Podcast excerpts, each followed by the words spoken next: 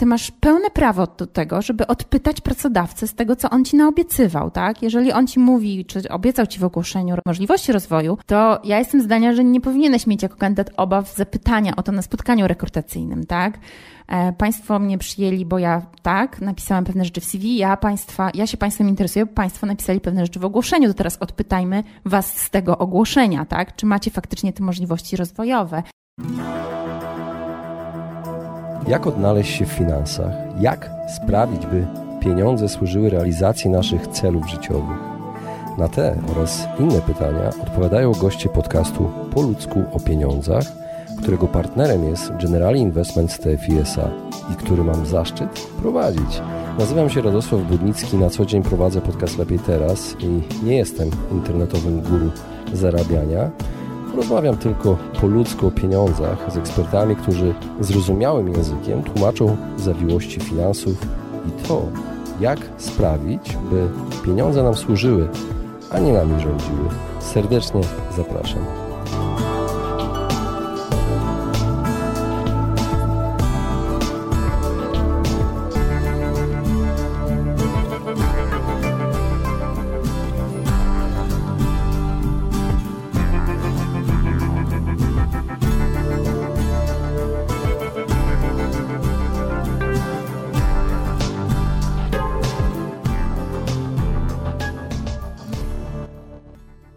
Kochani, witam Was serdecznie w kolejnym odcinku podcastu Po ludzko o pieniądzach. E, nie wiem, czy słyszeliście kiedykolwiek o takim case'ie firmy, która krótko mówiąc robiła rekrutację i prosiła, żeby kandydaci do pracy pomagali w sprzedaży usług tej firmy. Także taki był warunek. To dobre działanie, czy to złe działanie i czy to jest przykład działania, które jest skuteczne. Zastanawiam się, czy osoby pracujące w rekrutacji, zajmujące się rekrutacją w tej firmie, znały takie sformułowanie jak employer branding.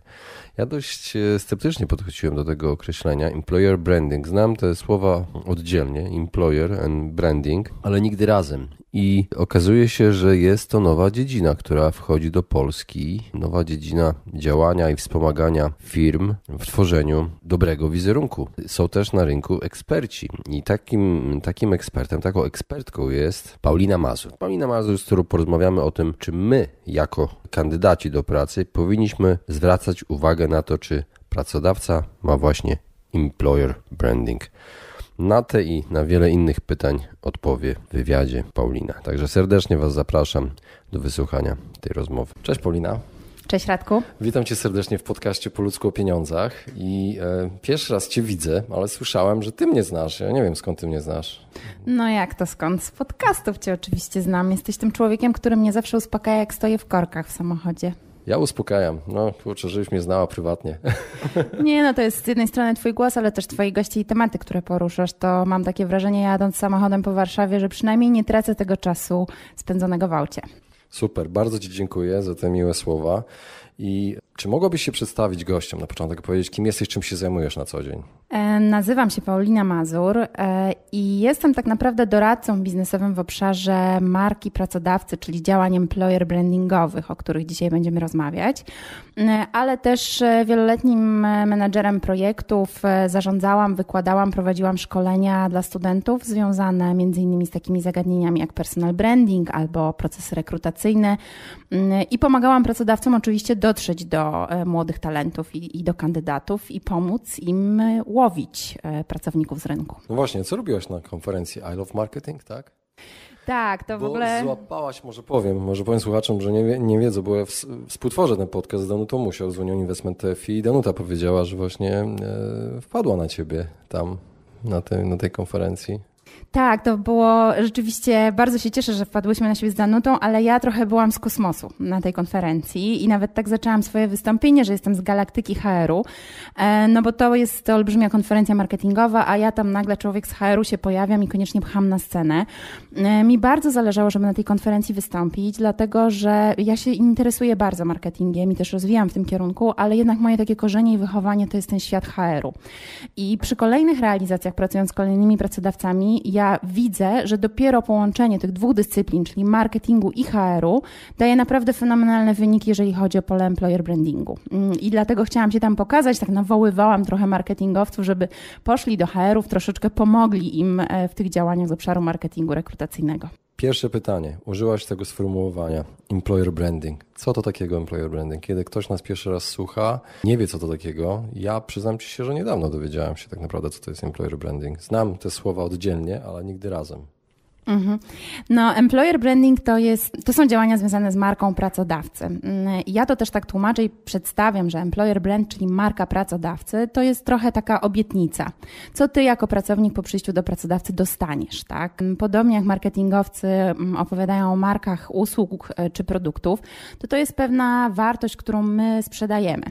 I marketing pracodawcy, mm, czyli ten, ten branding pracodawcy, to są właśnie te wszystkie punkty styku, gdzie ja jako pracodawca stykam się z moim pracownikiem. Czy to jest pracownik obecny, czy przyszły, czy przeszły. Wszystkie te momenty, kiedy w jakiś sposób wywieram na, ciebie, na tobie wpływ i, i ty mnie postrzegasz jako pracodawcę nowe miejsce pracy, to są właśnie działania employer brandingowe. Możesz podać przykład takiego działania? Taki, który może dla nas jest y, przed oczami, ale my nie wiemy, że to jest employer branding. Mhm, no w ogóle employer branding jest szalenie szerokim pojęciem, bo to tak naprawdę jest e, reklama, e, oferta pracy, która jest zamieszczona chociażby na portalu pracuj.pl. To jest layout tego ogłoszenia. Czy to ogłoszenie ma grafikę, w jaki sposób ma opisane benefity, jakie ono emocje w tobie wywołuje, czy ty chcesz e, aplikować do danego pracodawcy, czy nie. To jest już employer branding. Ale employer branding to też jest ten moment, kiedy na przykład oglądamy reklamy, w których pracodawca chwali się swoimi pracownikami, docenia ich za swoje za pasje czy zainteresowanie E, to są e, plakaty rekrutacyjne na uczelniach wyższych, to są systemy onboardingowe, czyli przyjmowania pracowników nowych do organizacji, e, to są szkolenia, rozwijanie pracowników w miejscu pracy, no i przede wszystkim jest to też sposób, w jaki się z pracownikami rozstajemy. Mm, tak naprawdę takim krytycznym momentem, kiedy ten employer branding można albo podnieść do góry, albo go mm, strasznie zszargać, no to jest ten moment, kiedy się z pracownikami rozstajemy. To też można zrobić mm, elegancko i, w sposób ładny. Czyli nawet roz rozstawanie się jest... O, kojarzy ten film Up in the Air? Oczywiście. Z George'em Clooneyem. Oczywiście. Nie pamiętam polski tytuł. E, Wysoko w chmurach. Wysoko w chmurach, tak. Mhm. I on właśnie był, pracował w firmie, która była firmą, która zajmowała się outsourcingiem, można powiedzieć, e, zwalniania. Tak, tak, tak, On zwalniał ludzi y, z innych korporacji zupełnie. I to, to, ten pakiet, to wszystko, to co on tam dawał w kopercie, sposób rozmowy, y, był employer brandingiem? Dokładnie tak. On też e, zostawiał tych ludzi z lepszym lub gorszym wrażeniem na temat pracodawców. E, to jest właściwie temat na pewnie oddzielny podcast. Jeżeli... Mocny film, mocny film. To... No to jest życie, e, to jest życie. O tym się czasami e, nie mówi i wiele firm takie tematy zamiata pod dywan. Natomiast prawda jest taka, że sposób rozstania się z pracownikiem niejednokrotnie może wywołać o wiele większy efekt pozytywny niż ta duża praca na przyciąganiu tak, młodych talentów czy, czy, czy doświadczonych osób. Mm, zarówno pozytywny, jak i negatywny, bo wystarczy, że jednego zwolnienia dokonamy w jakiś sposób taki nie niezbyt elegancki. No i nasz były pracownik dzieli się tą informacją chociażby w social media, no i to zostaje, łatka zostaje. Nie tylko, nie. Inni, inni ludzie, którzy pracują, widzą, jak będą potraktowani albo mogą być potraktowani. To też może tak działać. No dokładnie, ja tu mam akurat historię e, z bardzo bliskiego podwórka. Moja przyjaciółka, która ma dość e, ciekawe miejsce pracy, tak mi się do tej pory wydawało, i, i satysfakcjonującą e, pracę, oświadczyła mi ostatnio, że mm, rzuca to nawet nie mając e, póki co jeszcze nowej oferty. Jak ją zapytałam dlaczego, to okazało się, że po prostu nie podobał jej się sposób, w jaki pracodawca zwolnił koleżankę. Wyszła z pokoju, z biura z płaczem, bez dodatkowych wyjaśnień. I na tyle się to nie podobało, że już trzy osoby kolejne rozważają po prostu odejście od takiego pracodawcy. Nie chcą z takimi ludźmi pracować. Czyli nieumiejętność, nieznajomość employer brandingu może kosztować pieniądze firmy tak naprawdę. No i to bardzo duże. Natomiast trochę jest niestety tak, że mm, wiele firm jeszcze nie rozumie, e, ile mogłoby oszczędzić robiąc employer branding e, i przed jakimi stratami mogłoby się tak naprawdę uchronić.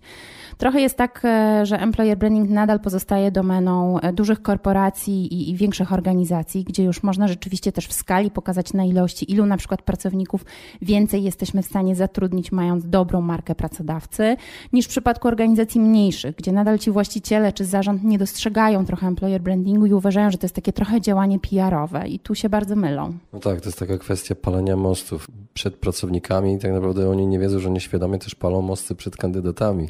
Ma to sens, ma to sens. Miałem do Ciebie pytanie, dlaczego jest teraz tak popularne, ale z tego co powiedziałeś, że nie jest popularne. To znaczy jest popularny, natomiast nie jest popularne przeznaczenie na niego jeszcze dużych budżetów. I tutaj właśnie zaczyna się trochę taka dyskusja, że chcielibyśmy, żeby ci pracownicy do nas przychodzili nowi, chcielibyśmy angażować naszych obecnych pracowników i ograniczać ich liczbę odejść. Natomiast no, niektórzy pracodawcy są jeszcze ostrożni w inwestowaniu w związku z tym w to angażowanie pracowników czy kandydatów, tak?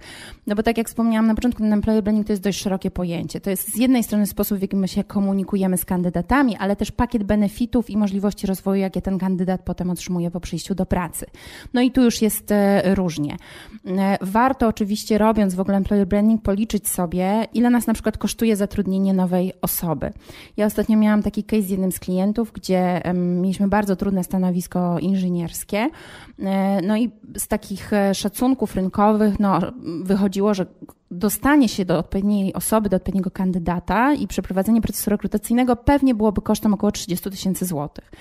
To, co zrobiliśmy, zanim zainwestowaliśmy w taki proces rekrutacyjny, to tak naprawdę trochę e, usprawniliśmy komunikację z potencjalnymi kandydatami, zrobiliśmy ciekawy layout ogłoszenia o pracę, pokazaliśmy wideo korporacyjne, zaangażowaliśmy ludzi pracujących w zespole, żeby też się wypowiedzieli, że fajnie jest u nas pracować, przyjdź do nas. To kosztowało tam około 3-4 tysięcy złotych i się okazało, że po miesiącu proces był zamknięty, znalazła się odpowiednia wymarzona osoba. Więc tak naprawdę obniżyliśmy koszty tej rekrutacji dziesięciokrotnie. E, to są ogromne oszczędności, natomiast często jest tak, że mm, ja stoję przed takim wyzwaniem pokazania pracodawcom jeszcze na tym etapie edukacyjnym, ile mogą zaoszczędzić tak naprawdę dzięki e, zainwestowaniu najpierw w takie działania employer brandingowe. To jest właśnie przykład, jak mogą zaoszczędzić. Tak, to jest przykład, jak mogą, e, jak mogą zaoszczędzić. To jest niesamowite, bo to właśnie jest podcast po ludzko o pieniądzach. Ja wiem, że słuchają mnie też e, przedsiębiorcy i właśnie w związku z tym mam pytanie, czy jaka firma albo jakiej skali biznes może zainteresować albo powinien zainteresować się employer brandingiem? Powiedzmy, jestem freelancerem i zatrudniam jedną osobę, która jest asystentką to już jest wtedy employer branding, czy, czy dopiero od trzech osób? Jak to jest? No to wiesz, to zależy jak ta asystentka na rynku mówi o tobie jako o pracodawcy. I już jest employer branding. I to już jest employer Czyli branding. jednego pracownika. Dokładnie. Mam odpowiedź. Masz odpowiedź. Natomiast trochę jest tak, że employer branding jest tym bogatszy, im większe mamy budżety. A budżety są większe, jak mamy większe organizacje albo międzynarodowe korporacje, które często już mają na swoim pokładzie nawet taki zespół ludzi, który się zajmuje employer brandingiem. Tam są i marketingowcy, i HR-owcy, oni mają wszystko rozplanowane, oni wiedzą, jak dotrzeć do kandydatów, jak ich przywiązać, przyciągnąć, organizują różne fajne rzeczy. Mm, natomiast bardzo często to jest właśnie działanie potrzebne mniejszym przedsiębiorcom, bo do dużych marek, które mają ładny employer branding i, i fajną tą markę pracodawcy, to ci kandydaci się zgłaszają. Natomiast e, mamy całą masę małych i średnich przedsiębiorstw, które narzekają na brak e, odpowiedniej klasy specjalistów czy wykwalifikowanych pracowników.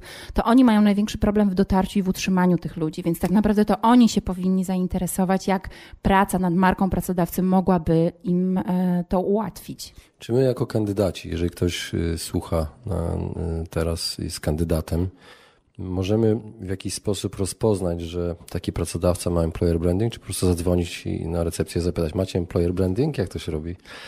No wiesz co, to się trochę jak ze wszystkim teraz, to się sprawdza w sieci. To się sprawdza w sieci, ale nie mają, tylko. Mają. mają, nie mają. Ranking y, taki. Są konkursy, są konkursy e, mm, Employer Branding Stars, e, Great Place to Work, no, Uniwersum Czyli robi są rankingi. Są rankingi, są rankingi, natomiast e, jak patrzyłam w ostatnie mm, deklaracje pracodawców, to w tych rankingach uczestniczy raptem około 20 paru procent pracodawców. I to zazwyczaj są ci pracodawcy, którzy już mają ten Employer Branding na wysokim poziomie, w związku z tym chcą się nim pochwalić i wziąć udział w rankingach, bo to jest jeszcze dodatkowa statuetka, którą mogą gdzieś postawić na recepcji. I tych marek tak naprawdę, jakbyśmy dobrze policzyli, to pewnie byśmy się zamknęli w liście 50 w Polsce i to by było wszystko. E, to są też marki, które rozpoznajemy za ich produkty czy usługi, więc to dość łatwo sobie wyobrazić, e, o jakich korporacjach i firmach mówimy. No właśnie, mam pytanie do Ciebie. Wybacz, że tak wchodzę w słowo, ale mhm. właśnie chcę zapytać, czy możesz podać dobre przykłady takiego employer brandingu? Dobre, o dobrych chyba można mówić. Wiesz co, tak, o dobrych trzeba mówić, bo je trzeba nawet nagradzać. Casey. Jest bardzo dużo przykładów, bo znowu to też zależy, że są różne etapy, gdzie e, są pracodawcy, którzy doskonale prowadzą procesy rekrutacyjne, są pracodawcy, którzy mają świetne programy rozwojowe dla pracowników, albo którzy się bardzo dobrze z pracownikami rozstają, na przykład pomagając im przy znalezieniu nowej pracy. Ja ostatnio robiłam taki research trochę na temat marketingu rekrutacyjnego, czyli tego pierwszego etapu, kiedy się pokazujemy kandydatom na rynku i chcemy być e, wiarygodni. E, I bardzo lubię takie przykłady, jak chociażby IKEA, czy grupa Allegro, e, czy Leroy Merlin, gdzie w spotach wideo, takich skierowanych do kandydatów, występują pracownicy firmy. To jest bardzo fajne, naturalne, wiarygodne, bo ja widzę po prostu ludzi, którzy już tam pracują i to oni mi mówią, do mnie mówią, jak oni się czują w swoim miejscu pracy. To jest bardzo autentyczne, to jest przez to bardzo wiarygodne i ten trend pokazywania mm, pracowników w tych kampaniach jest coraz bardziej e, na topie, tak? To się coraz bardziej rozwija. Zresztą pojawia się jeszcze jedna mm, jeden obszar w obszarze employer brandingu, tak zwany employee advocacy, czyli ten moment, kiedy nasi pracownicy są naszymi ambasadorami. I nawiązując do tego, jak e, zapytałeś, skąd mam wiedzieć, czy taka firma ma ten employer brand, czy nie ma. No każda ma, tylko pytanie, czy dobry, czy gorszy. I najlepiej się dowiadywać tego tak naprawdę od znajomych i z rekomendacji kolegów, koleżanek czy rodziny, albo osób, które już tam pracują. I dla mnie pracodawca, który może się pochwalić spotami, gdzie są pracownicy, którzy e, są pokazani za swoje też i nagrodzeni, docenieni za swoje pasje, czy za to, co wnoszą do organizacji, to jest pracodawca, który już samym zaangażowaniem pracowników w ten proces pokazuje, to są dla mnie ważni ludzie, ja ich angażuję, ja chcę ich pokazywać, bo ja wiem, że moją markę tworzą właśnie ci ludzie, jestem z nich dumny. Więc już samo to, że wiem, że tam są relacje w tej organizacji takie, powoduje, że dla mnie to jest ciekawe miejsce, atrakcyjny pracodawca. A może jakieś nazwy? E, no to wiesz co, to jest właśnie IKEA na przykład, e, grupa Allegro, e, Leroy Merlin robi bardzo fajny i Jusk jest teraz bardzo na topie. Wielkopowierzchniowe sklepy. Tak, akurat teraz byłam na sercu właśnie w tych wielkopowierzchniowych sklepach, ale to też dlatego, że Jusk rozpoczął swojego vloga, gdzie można zobaczyć pracowników, którzy opowiadają o różnych historiach i, i oprowadzają nas po sklepach i to jest takie, to, jest, to są też takie przykłady, które się pojawiają, ale też Volvo ma bardzo fajny, fajny sposób pokazania mm, rekrutacji. No i jest cała masa, no nawet to widać na reklamach, tak, tych, na tych ogłoszeniach rekrutacyjnych. No jeżeli mamy, e, chociażby otworzymy sobie Pracuj.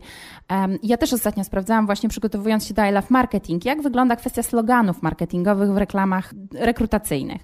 No na 20 losowo otwartych ogłoszeń rekrutacyjnych w 18 znalazłam benefity typu e, przyjazne miejsce pracy, e, rodzinna atmosfera, możliwości rozwoju no to nic nie mówi tak na dobrą sprawę. Jeżeli 18-20 pracodawców podaje to samo, to w żaden sposób nie różnicuje. Natomiast jak otwieram ogłoszenia rekrutacyjne, gdzie mam już pokazaną na przykład twarz jakiegoś pracownika i jego wypowiedź, gdzie on mówi specjalnie cenię mojego pracodawcę za to, że promuje wykorzystanie urlopów tacierzyńskich i wspiera młodych, e, młodych rodziców na przykład przy opiece z dziećmi, bo otworzył przyzakładowe przedszkole, no to to już jest konkretny benefit, do którego się mogę odwołać jako potencjalny kandydat i na tej podstawie będę ten employer brand, tą markę pracodawcy oceniała. To jest tak, ale ja... Ciężko jest to odróżnić od takie, wiesz, wymuszone, wykupione reklamy, gdzie pracownik, no masz powiedzieć tak, wiesz o co chodzi. Mhm od tego autentycznego bycia ambasadorem. Ciężko jest to odróżnić. No dobrze, ale ja mam do Ciebie takie konkretne pytanie dotyczące pieniędzy. Czy po tym, że pracodawca ma dobry employer branding, możemy na przykład wywnioskować, że będziemy lepiej potraktowani finansowo? Też. Natomiast e, trochę jest tak, że mm, wiesz, to zależy oczywiście od branży i stanowiska. Natomiast e, myślę, że dzisiaj chyba wszyscy zaczynamy sobie powoli zdawać sprawę, że te finanse nie są dla nas e, najważniejsze. Oczywiście nadal na, na określonym poziomie stanowisk one są numerem i pierwszym, tak? Natomiast już na stanowiskach bardziej specjalistycznych czy menedżerskich to nie jest najważniejszy e, ten wpływ na konto, tylko tak naprawdę atmosfera czy też poczucie rozwoju, e, jakiego doświadczamy w pracy. I w i zespół, z jakim pracujemy, tak? Czy nasz na przykład przełożony.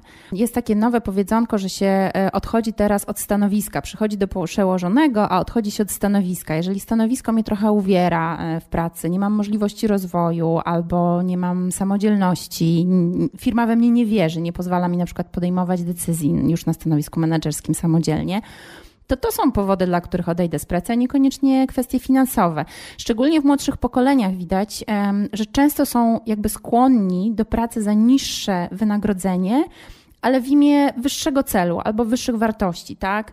E, jest fajne miejsce pracy, jest e, sympatyczne biuro, sympatyczni koledzy, koleżanki, duże możliwości rozwoju, e, praca przy ciekawych projektach i to są rzeczy o wiele bardziej wartościowe już nawet dla młodych ludzi, którzy jednak mimo wszystko muszą o finansach myśleć. Ale to nie jest tak, że ludzie mówią, że, że ta reputacja jednak firmy nie jest tak ważna, bo jednak ważna jest ta kasa.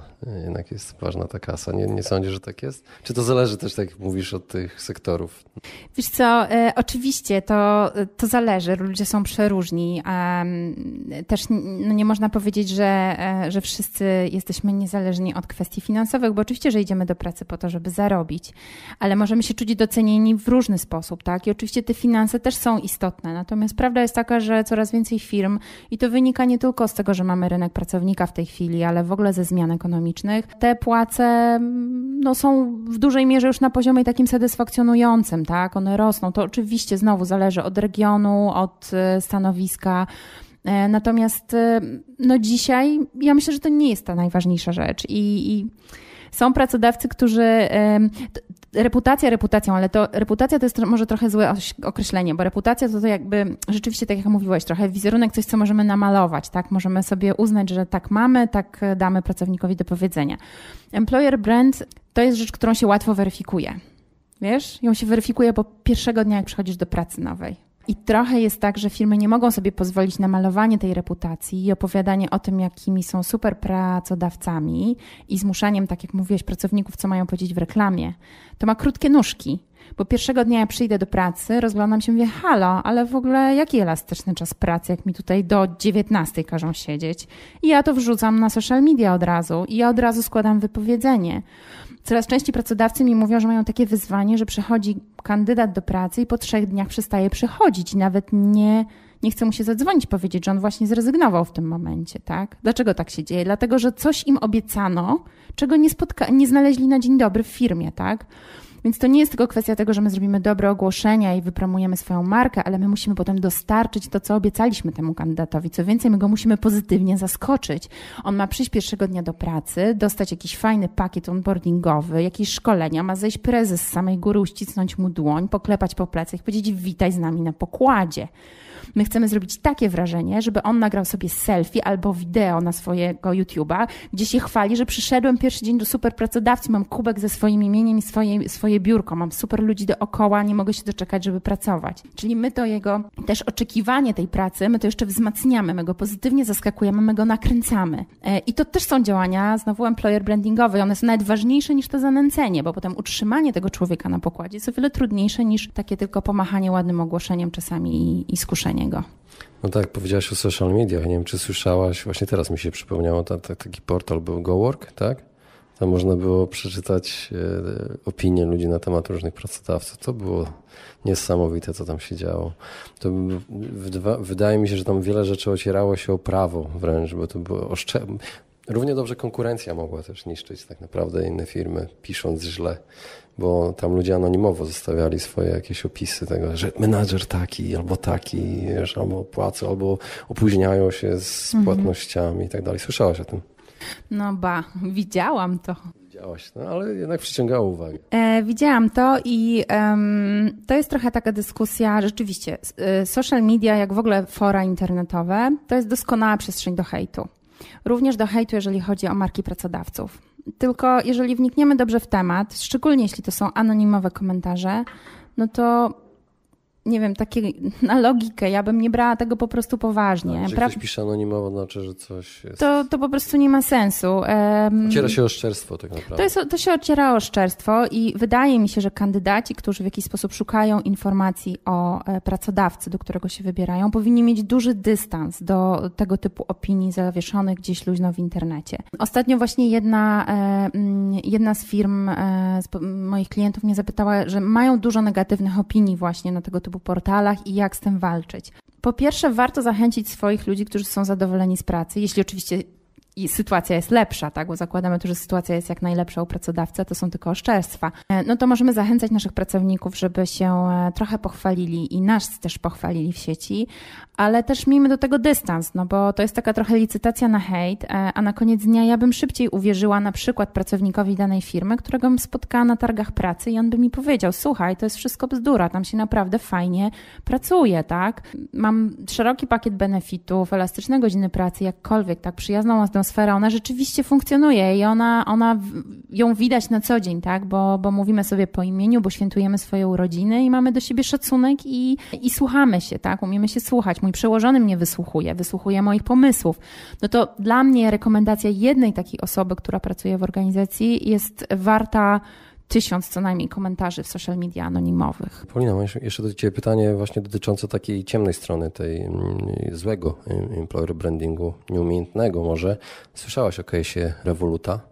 Oni prosili kandydatów e, do pracy, tak słyszałem mhm. dokładnie, e, czy tak było, ale prawdopodobnie prosili kandydatów do pracy o, o promowanie produktów. Czy to jest przykład mhm. złego employer brandingu? To znaczy, wiesz co, nie wiem, nie, nie znam tego przypadku jakoś tak bardzo dokładnie. Myślę, że trzeba było rewoluta o to zapytać też, e, bo zawsze, e, zawsze są, e, zawsze tyle opinii, co, mm, co ludzi. Być może, wiesz, są różne sytuacje, które łatwo później jest rozmuchać. Podam Ci inny przykład, bo rozmawiamy o social media i o różnych sytuacjach, w których pracownicy obecni prze, y, albo byli, komentują e, pracodawcy jego zachowania. Bo też w social mediach pojawia się teraz taki trochę case i wyzwanie dla, mm, dla pracodawców związane z tym, że tak naprawdę nie do końca wiadomo, czy jest Twój profil społecznościowy. Czy on jest Twój radka, czy on jest Twojego pracodawcy.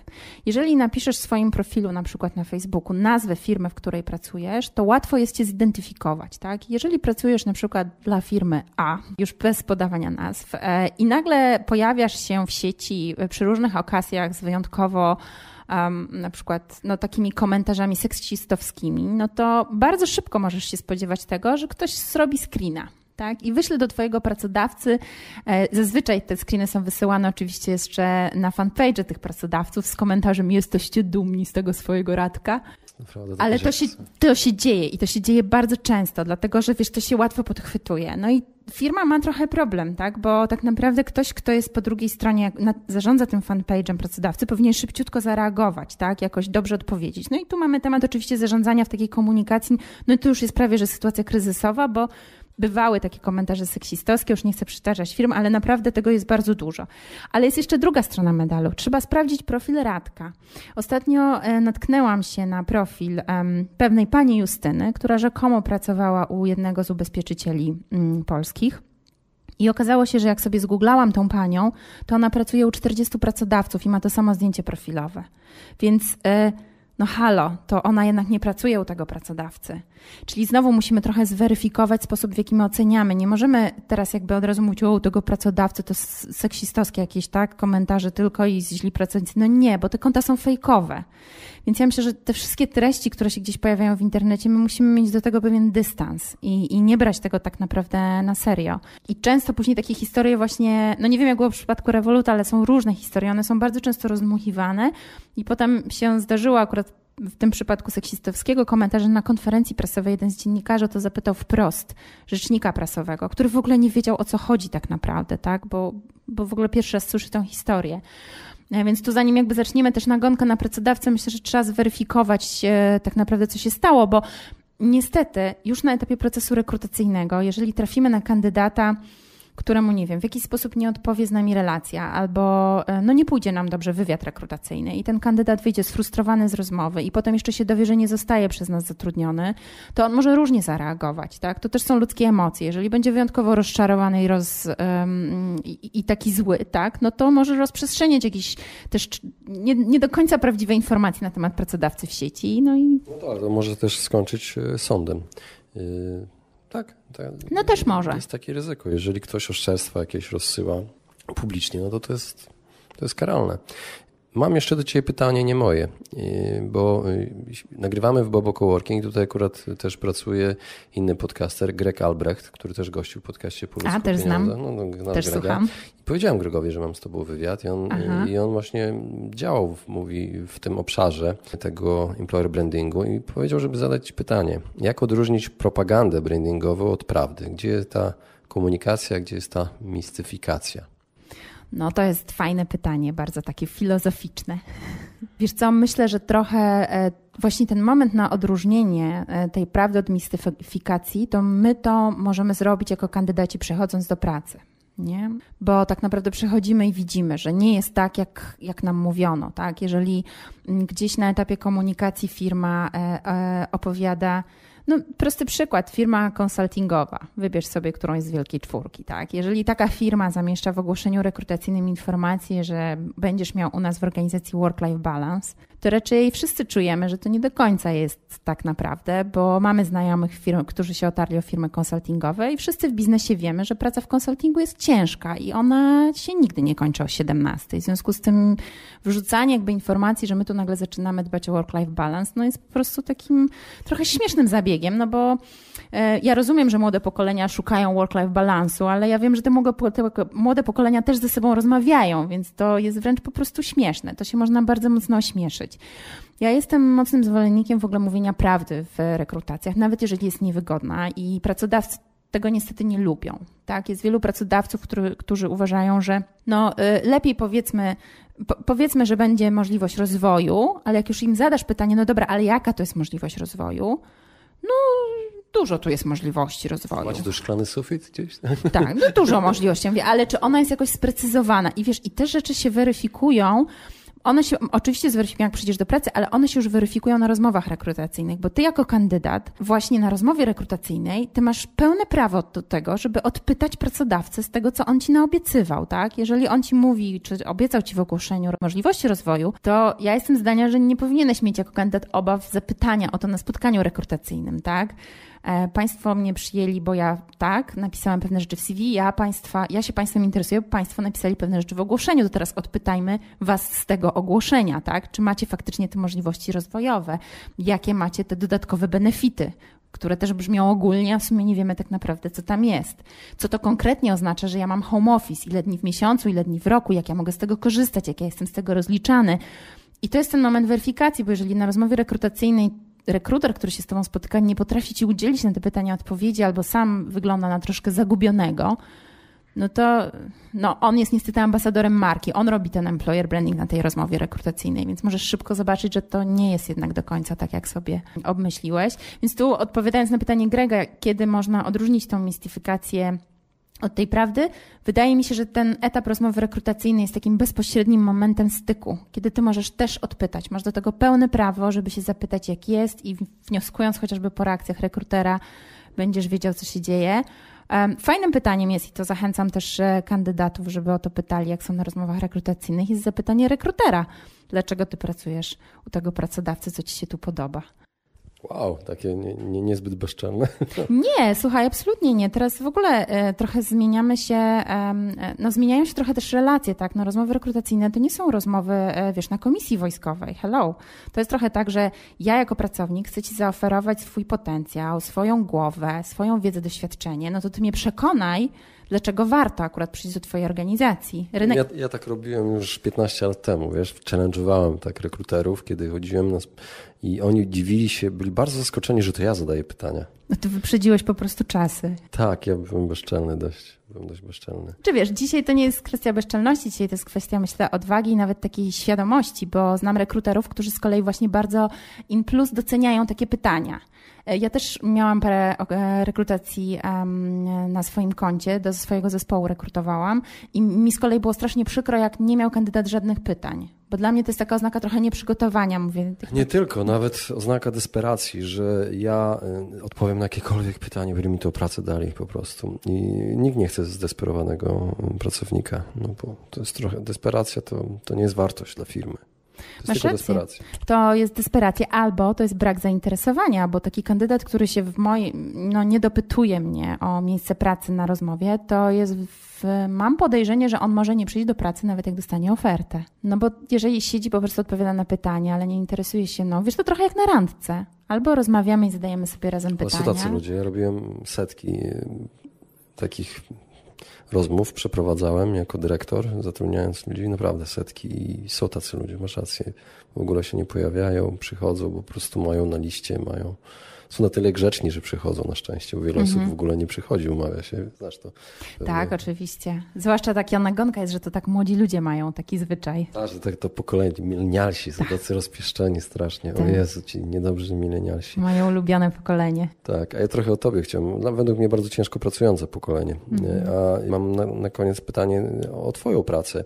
Jak ty pomagasz firmom? Jak to wygląda? I gdzie można cię znaleźć? W jaki sposób ty pomagasz firmom wprowadzać ten employer branding? Rozumiem, że to robisz. Tak, zajmuję się tym e, właściwie od wielu lat, ale od kilku miesięcy już w takim systemie trochę bardziej elastycznego czasu pracy. Na LinkedInie można mnie znaleźć. Paulina Mazur. Tak, Paulina Mazur. Tej, jak, jak ona się e, nazywa? Nie, to akurat mówisz o Facebooku, ale e, na, na Facebooku można mnie znaleźć jako Paulina Mazur Communication i tam jestem. Ten Facebook jeszcze nie jest duży, ale, ale jest taki bardzo responsywny. Natomiast bardziej jestem aktywna na LinkedInie, bo, bo tam mam rzeczywiście też dużo takich branżowych i ciekawych dyskusji E, z, z moimi kontaktami. Tam wystarczy wpisać Paulina Mazur. Ale wracając do tego, czym się zajmuję. Rzeczywiście e, teraz e, przede wszystkim mam dwa takie swoje koniki, w których wspieram pracodawców. Jeden z nich to jest właśnie employer branding, czyli działania związane z wizerunkiem marki pracodawcy. Pomagam zwiększać zaangażowanie ze strony kandydatów, ale też pracowników. I myślę, że mam taką swoją trochę na to metodę, bo robię to właśnie łącząc marketing z HR-em. Więc to nie jest takie typowe doradztwo employee brandingowe, ale trochę wychodzące ponad to. Poznam się na Google Analyticsach, e, wiem co to jest SEO, SEM i też tą wiedzę wykorzystuję właśnie w działaniach HR-owych.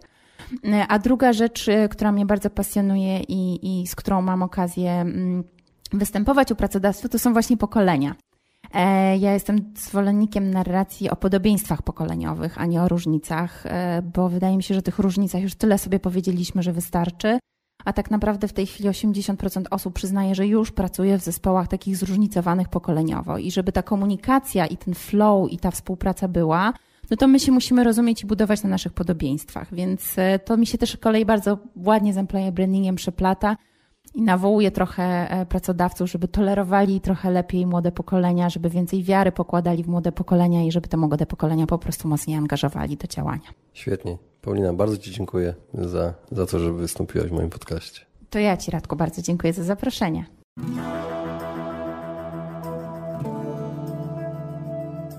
Właśnie wysłuchaliście podcastu Po ludzku o pieniądzach. Mam nadzieję, że Wam się podobała rozmowa. Jeżeli Wam się podobała, poświęćcie swój czas, proszę, by pozostawić swoją recenzję na iTunes. Jeżeli macie pytania lub e, propozycje dotyczące kolejnych audycji, piszcie do mnie na fanpage'u Po ludzku o pieniądzach i do usłyszenia następnym razem.